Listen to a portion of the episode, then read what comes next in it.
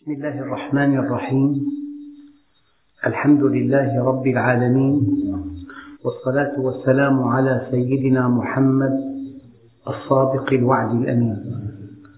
اللهم لا علم لنا إلا ما علمتنا إنك أنت العليم الحكيم. اللهم علمنا ما ينفعنا وانفعنا بما علمتنا وزدنا علما. وأرنا الحق حقا وارزقنا اتباعه. وأرنا الباطل باطلا وارزقنا اجتنابه. واجعلنا ممن يستمعون القول فيتبعون أحسنه. وأدخلنا برحمتك في عبادك الصالحين. أيها الإخوة الكرام مع الدرس الواحد والأربعين من دروس سورة الأنعام ومع الآية السادسة بعد المئة وهي قوله تعالى اتبع ما أوحي إليك. كأن الآية متوجهة إلى النبي صلى الله عليه وسلم. اتبع ما أوحي إليك من ربك. لا إله إلا هو وأعرض عن المشركين. ولو شاء الله ما أشركوا وما جعلناك عليهم حفيظا وما أنت عليهم بوكيل. هاتان الآيتان مررنا عليهما سريعا في الدرس الماضي. ولا بد من وقفة متأنية عند مضمون هاتين الآيتين. أولا إذا قلت لمن هو في أعلى درجات الاجتهاد اجتهد. هذا الأمر يعني داوم على اجتهادك واثبت على اجتهادك وتابع اجتهادك. يا أيها النبي اتق الله. يا أيها الذين آمنوا آمنوا. إذا جاء الأمر للمأمور وهو مطبق له فيتجه الأمر إلى الاستمرار عليه ومتابعته والثبات عليه. إذا يا أيها النبي الآية موجهة إلى النبي عليه الصلاة والسلام اتبع ما أوحي إليك. أولا الرب رب والعبد عبد. الإله مطلق الذات الكاملة صاحب الأسماء الحسنى والصفات الفضلى. واجب الوجود أزلي أبدي واحد أحد فرد صمد لم يلد ولم يولد ولم يكن له كفوا أحد. علم ما كان وعلم ما يكون وعلم ما سيكون وعلم ما لم يكن لو كان كيف كان يكون. هذا الإله العظيم إذا أعطى توجيهات هي التوجيهات التي لا ريب فيها لا مأخذ عليها لا يأتيها الباطل من بين يديها ولا من خلفها. لأن الله مطلق وكلامه مطلق وكمال كلامه مطلق. وصواب توجيهاته مطلق. إذا اتبع ما أوحي إليك. أخواننا الكرام في آيات أخرى في الحجرات يا أيها الذين آمنوا لا تقدموا بين يدي الله ورسوله. وكأن الله سبحانه وتعالى أنبأنا عن أنه سوف يأتي زمان كل إنسان يقدم بين يدي الله. وفي هذه الأيام أيها الإخوة تطرح موضوعات تناقض القرآن الكريم. ينادى بتعديل قانون الأحوال الشخصية. ينادى بمساواة المرأة بالرجل حتى في الميراث. ينادى برفع كل تحفظ عن حقوق الطفل. شيء طويل لكن كل هذا الذي يطرح يتناقض مع نص القرآن الكريم. مع أصل الدين هناك جرأة في نقد وحي السماء وما جاء به سيد الأنبياء. إذا هنا الآية اتبع ما أوحي إليك.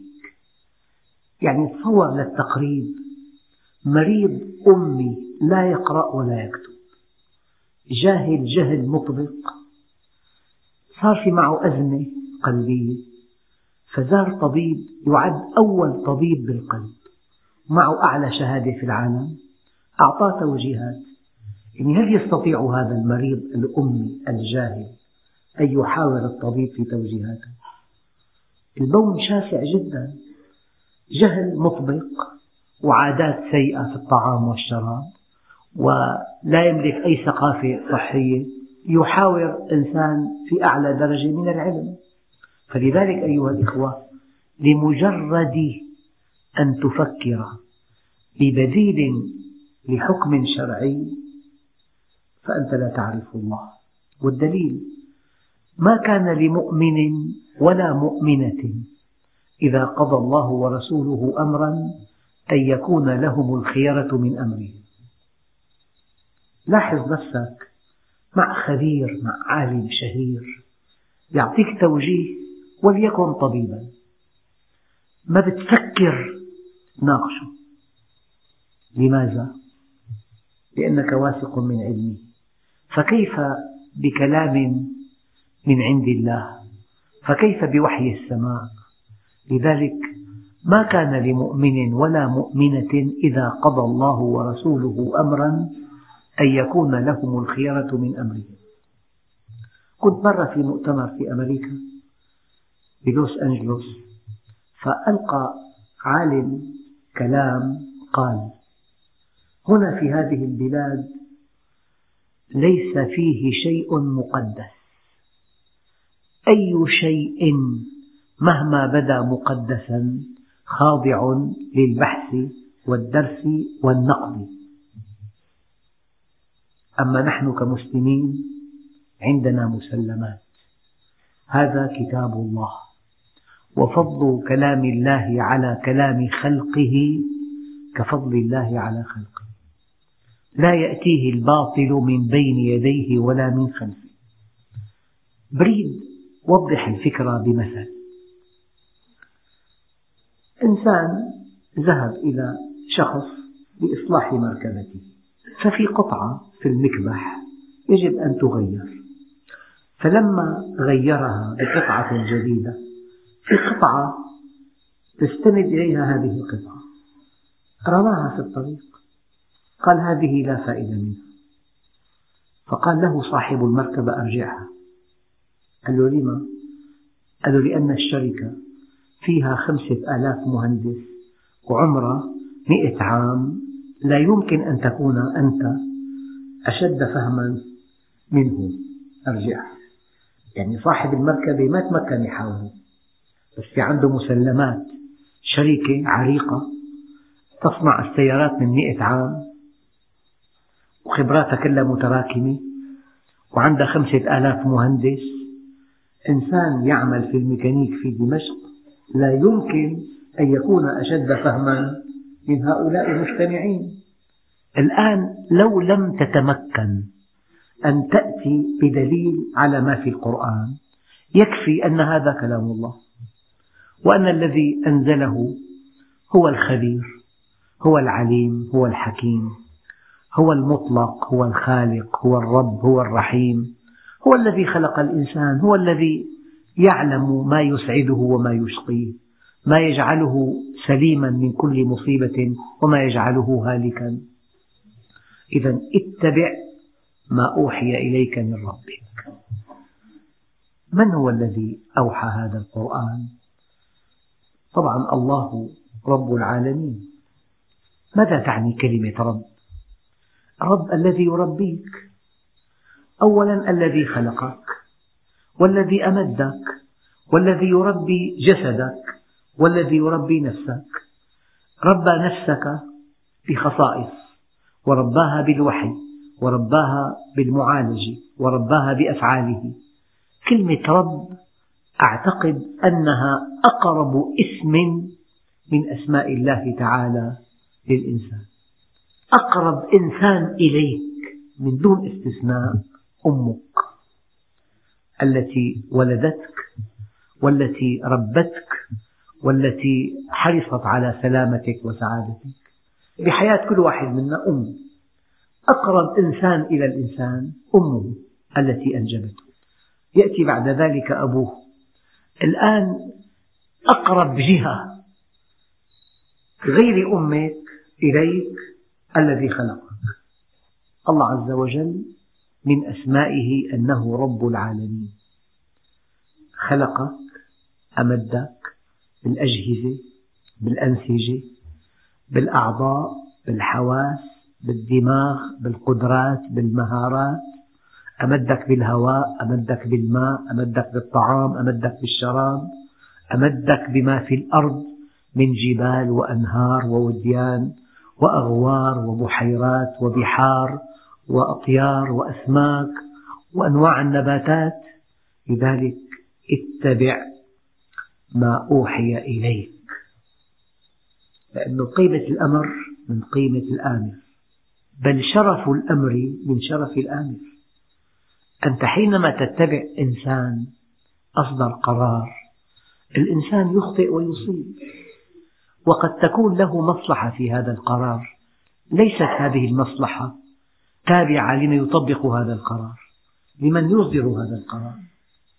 قد تفرض عليك ضريبة لمصلحة الجهة التي فرضتها لكن خالق السماوات والأرض هو الذي خلقك وهو الخبير لهذا قال تعالى يا أيها الناس اعبدوا ربكم الذي خلقكم.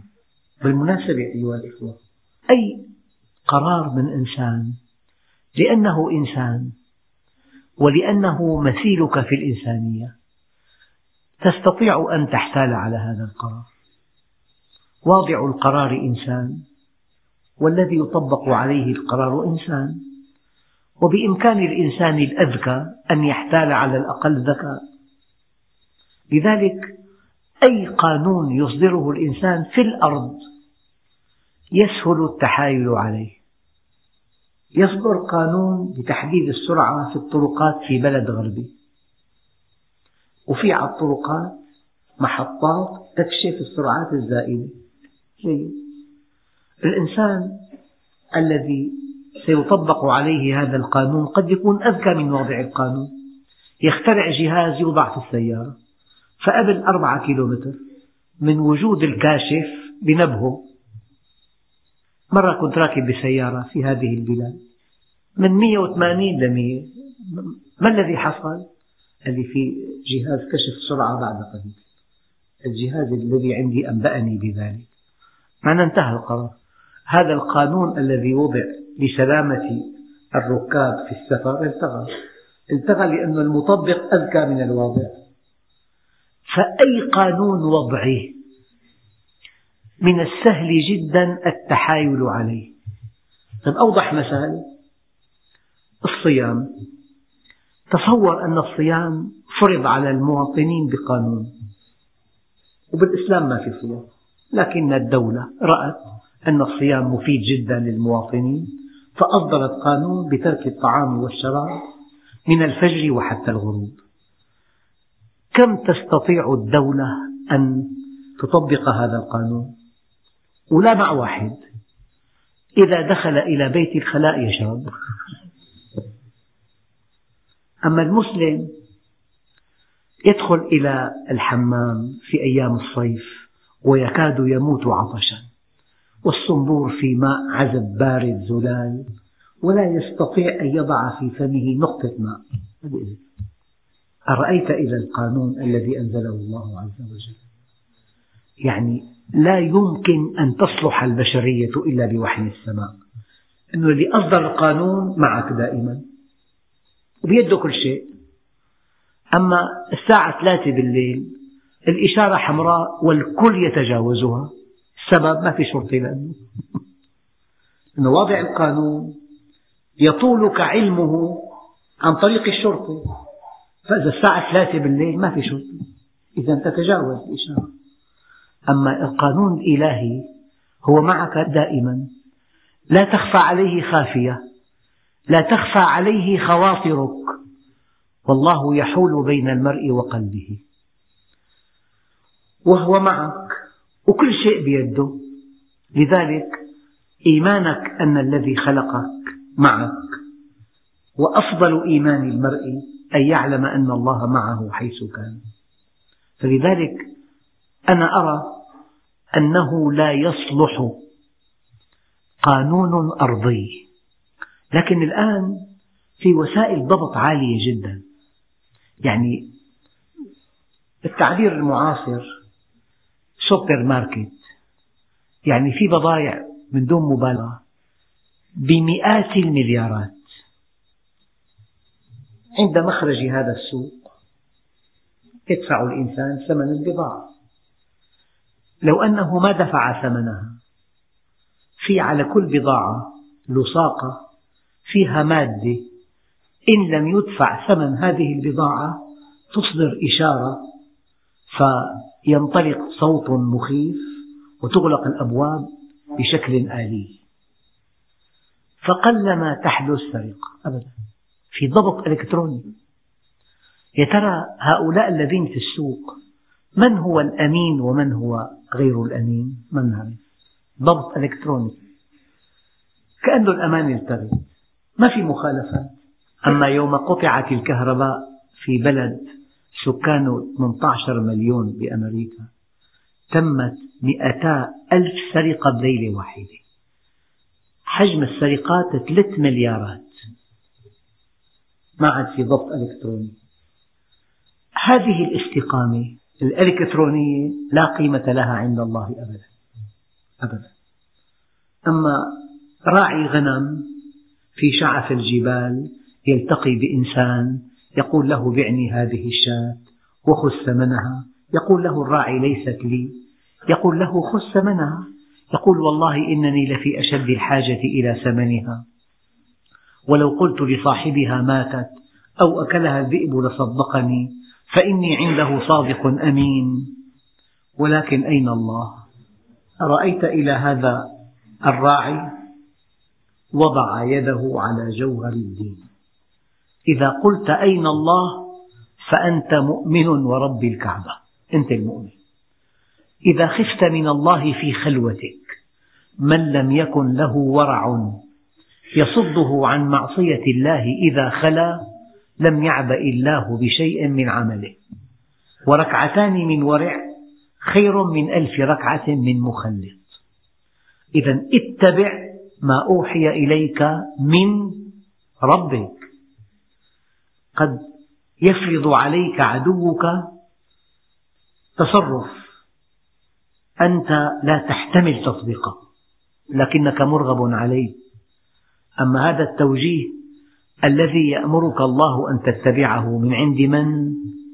من عند الرحيم من عند الحليم من عند الحكيم من عند القوي من عند الغني من عند الرب من عند الإله. من عند من بيده كل شيء. اتبع ما أوحي إليك من ربك. لماذا؟ في عنا اعتراض بالبلاغة. اتبع ما أوحي إليك من ربك لا إله إلا هو. يعني جملة معترضة. تقول قال الله عز وجل عز وجل جملة معترضة. الاعتراض هنا يفسر موجب الاتباع.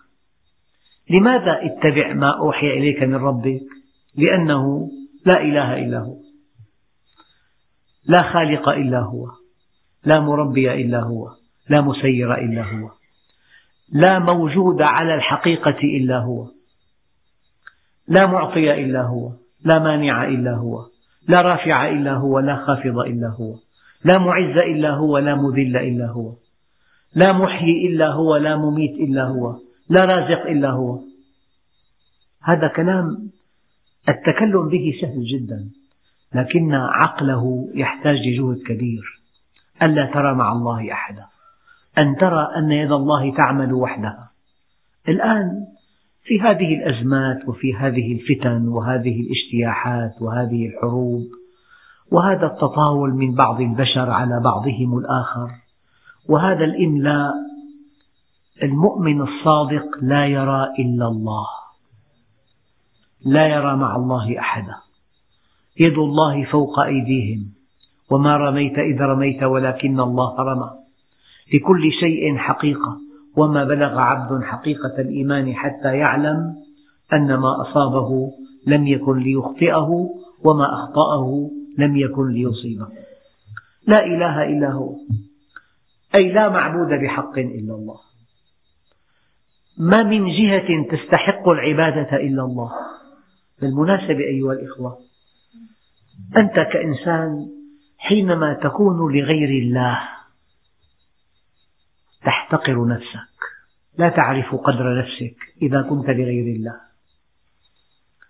عبدي خلقت لك ما في الكون من أجلك فلا تتعب وخلقتك من أجلي فلا تلعب فبحقي عليك لا تتشاغل بما ضمنته لك عما افترضته عليك.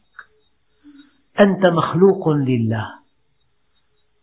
الجماد للنبات والنبات للحيوان والحيوان للإنسان والإنسان لله.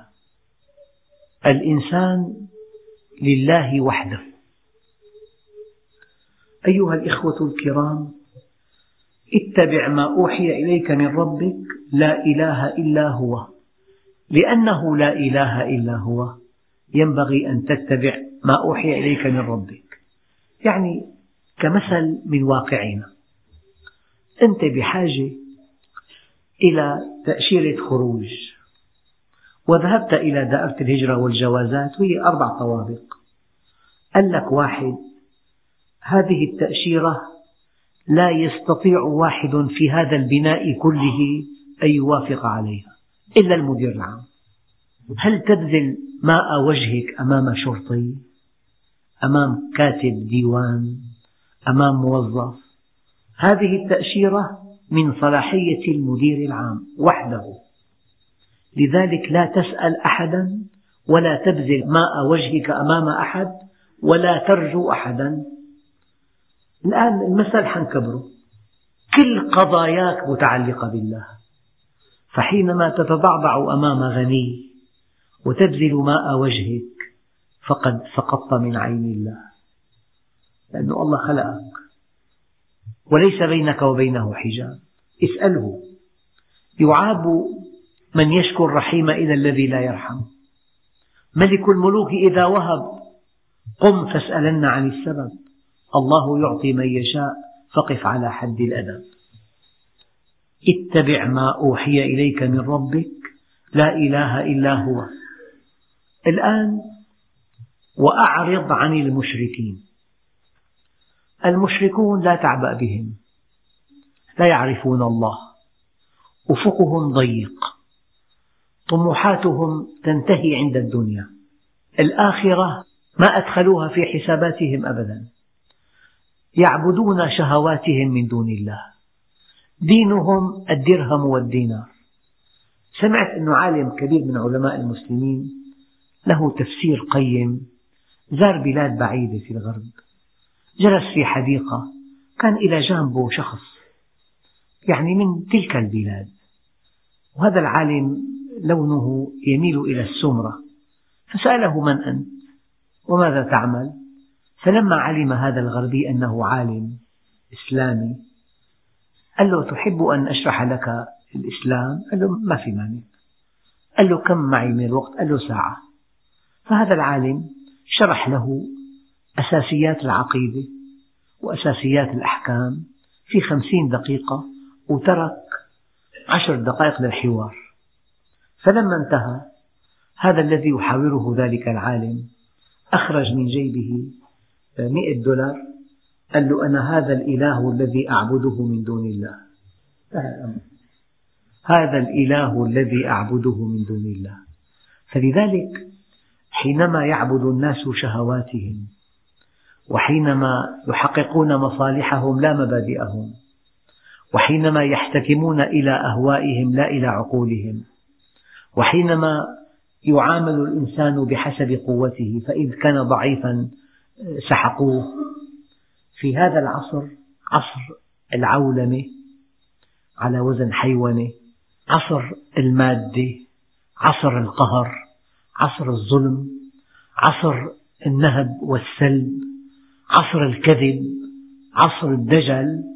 في مثل هذا العصر قال وأعرض عن المشركين لا تعبأ بهم هم أحقر من أن تلتفت إليهم. لماذا أتوا إلى بلاد مجاورة؟ لأن فيها أسلحة كيميائية هم استخدموها. لماذا تأتي إلى بلد بحجة أنه يملك أسلحة؟ كيماوية وأنت لما أردت أن تقاوم من يقاومك استخدمت الأسلحة الكيماوية. هؤلاء لا تصغي إليهم. هؤلاء يقول الله عنهم يوم نختم على أفواههم وتكلمنا أيديهم. وتشهد أرجلهم بما كانوا يعملون. هم أقل من أن تخاطبهم لأنهم لا يملكون الحجة. يكيلون بألف مكيال ومكيال. أعرض عن المشركين. هؤلاء الذين أشركوا مع الله آلهة. هؤلاء الذين أشركوا مصالحهم مع ربهم. أشركوا شهواتهم مع ربهم. إياك أن تصغي إليهم. أعرض عن المشركين. ولو شاء الله ما أشركوا. ما معنى ذلك؟ إياكم أيها الإخوة أن تفهموا فهما ما أراده الله. أن الله عز وجل أجبرهم على الشرك سبحانه وتعالى أن يفعل ذلك. لكن الله أعطاهم الخيار. هم لم يشركوا عنوة أشركوا باختيارهم الذي منحه الله لهم. يعني أنت ممكن تقيد إنسان بقيد. ما عنده خيار. لكن أنت منحته الاختيار. معنى الاختيار أنه بإمكانه أن يكفر أو أن يؤمن. بإمكانه أن يصدق أو أن يكذب. بإمكانه أن يصدق أو أن يكذب. بإمكانه أن يستقيم أو أن ينحرف. بإمكانه أن يرحم أو أن يقسو. الإنسان فقط والجن مخيرون. وما سوى ذلك مسيرون الكون كله مسير. المادة كلها مسيرة. الحيوان كله مسير. الملك كله مسير. ما في مخلوقات مخيرة إلا الإنس والجن. معنى مخير أي أنه يفعل ما يريد. فهذا الذي أشرك وهذا الذي كفر وهذا الذي قتل وهذا الذي زنى وهذا الذي سرق. هؤلاء ما فعلوا هذا تحديا لله. هو سمح لهم أن يختاروا. يعني أم حسب الذين كفروا سبقوا إنهم لا يعجزون. معنى سبقوا أي أنهم فعلوا شيئا ما أراده الله. أو أنهم يستطيعون التفلت من عقاب الله. هم في قبضته. إن كيدي متين. المتانة مقاومة قوى الشد. والقساوة مقاومة قوى الضغط. يعني كأن هذا الإنسان مربوط بحبل متين مهما قوي ومهما تغطرس في أي لحظة هو في قبضة الله. سمعتم عن الغرب كيف تغطرس وتألى. والله مرة سمعت في ندوة جندي من دولة معتدية يقول أنا الرب أنا الإله. كيف؟ قال له أنا أقرر إبقاء هذا الإنسان حيا أو أقتله؟ معي صلاحية. عد نفسه إله لكن لما وقف سعيد بن جبير أمام الحجاج وقال إنني سأقتلك قال له والله لو آمنت أن قتلي بيدك لعبدتك من دون الله. ولكن الذي ينهي حياتي هو الله. وقد يكون هذا الإنهاء على يديك لكن الذي ينهي حياتي هو الله. فأنت حينما تؤمن تكون شجاعا. حينما تؤمن لا تنافق لا تنهار.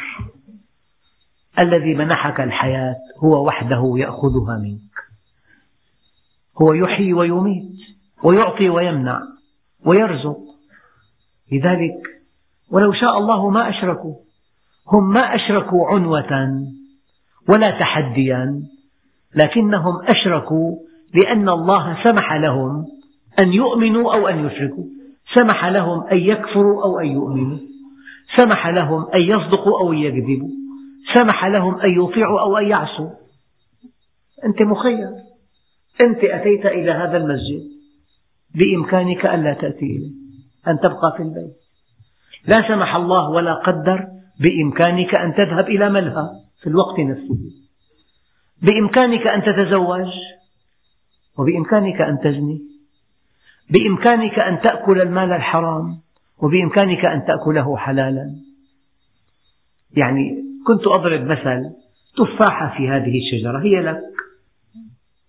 حينما خلقت هي لك.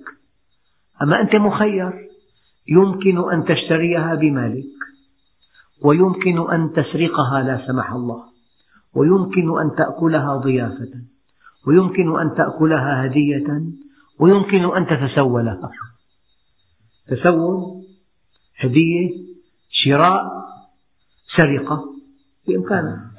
هي لك لكن وصولها إليك باختيارك. ولو شاء الله ما أشركوا. يعني هذا الذي تسمعه. فعلنا وتركنا وقهرنا وقصفنا وقتلنا. الكافر لا يمكن أن يفعل شيئا ما أراده الله. هو في قبضة الله. بل إن خطة الله تستوعب خطته. وبخطط الذي يفعله بعد التخفيض ضمن خطة الله. فكرة دقيقة جدا. الذي يفعله بعد أن يخطط هو في الأصل من خطة الله عز وجل. لذلك يد الله فوق أيديهم. حتى النبي الكريم وما رميت إذ رميت ولكن الله رمى. ما لكم من دونه من ولي ولا يشرك في حكمه أحدا. ولو شاء الله ما أشركوا وما جعلناك عليهم حفيظا. يعني أنت يا محمد إن أنت إلا نذير إن عليك إلا البلاغ. لست عليهم بوكيل لست عليهم بمسيطر. النبي مبلغ فقط. والإنسان معه ملك ومعه شيطان. معه ملك يلهمه الخير ومعه شيطان يوسوس له الشر.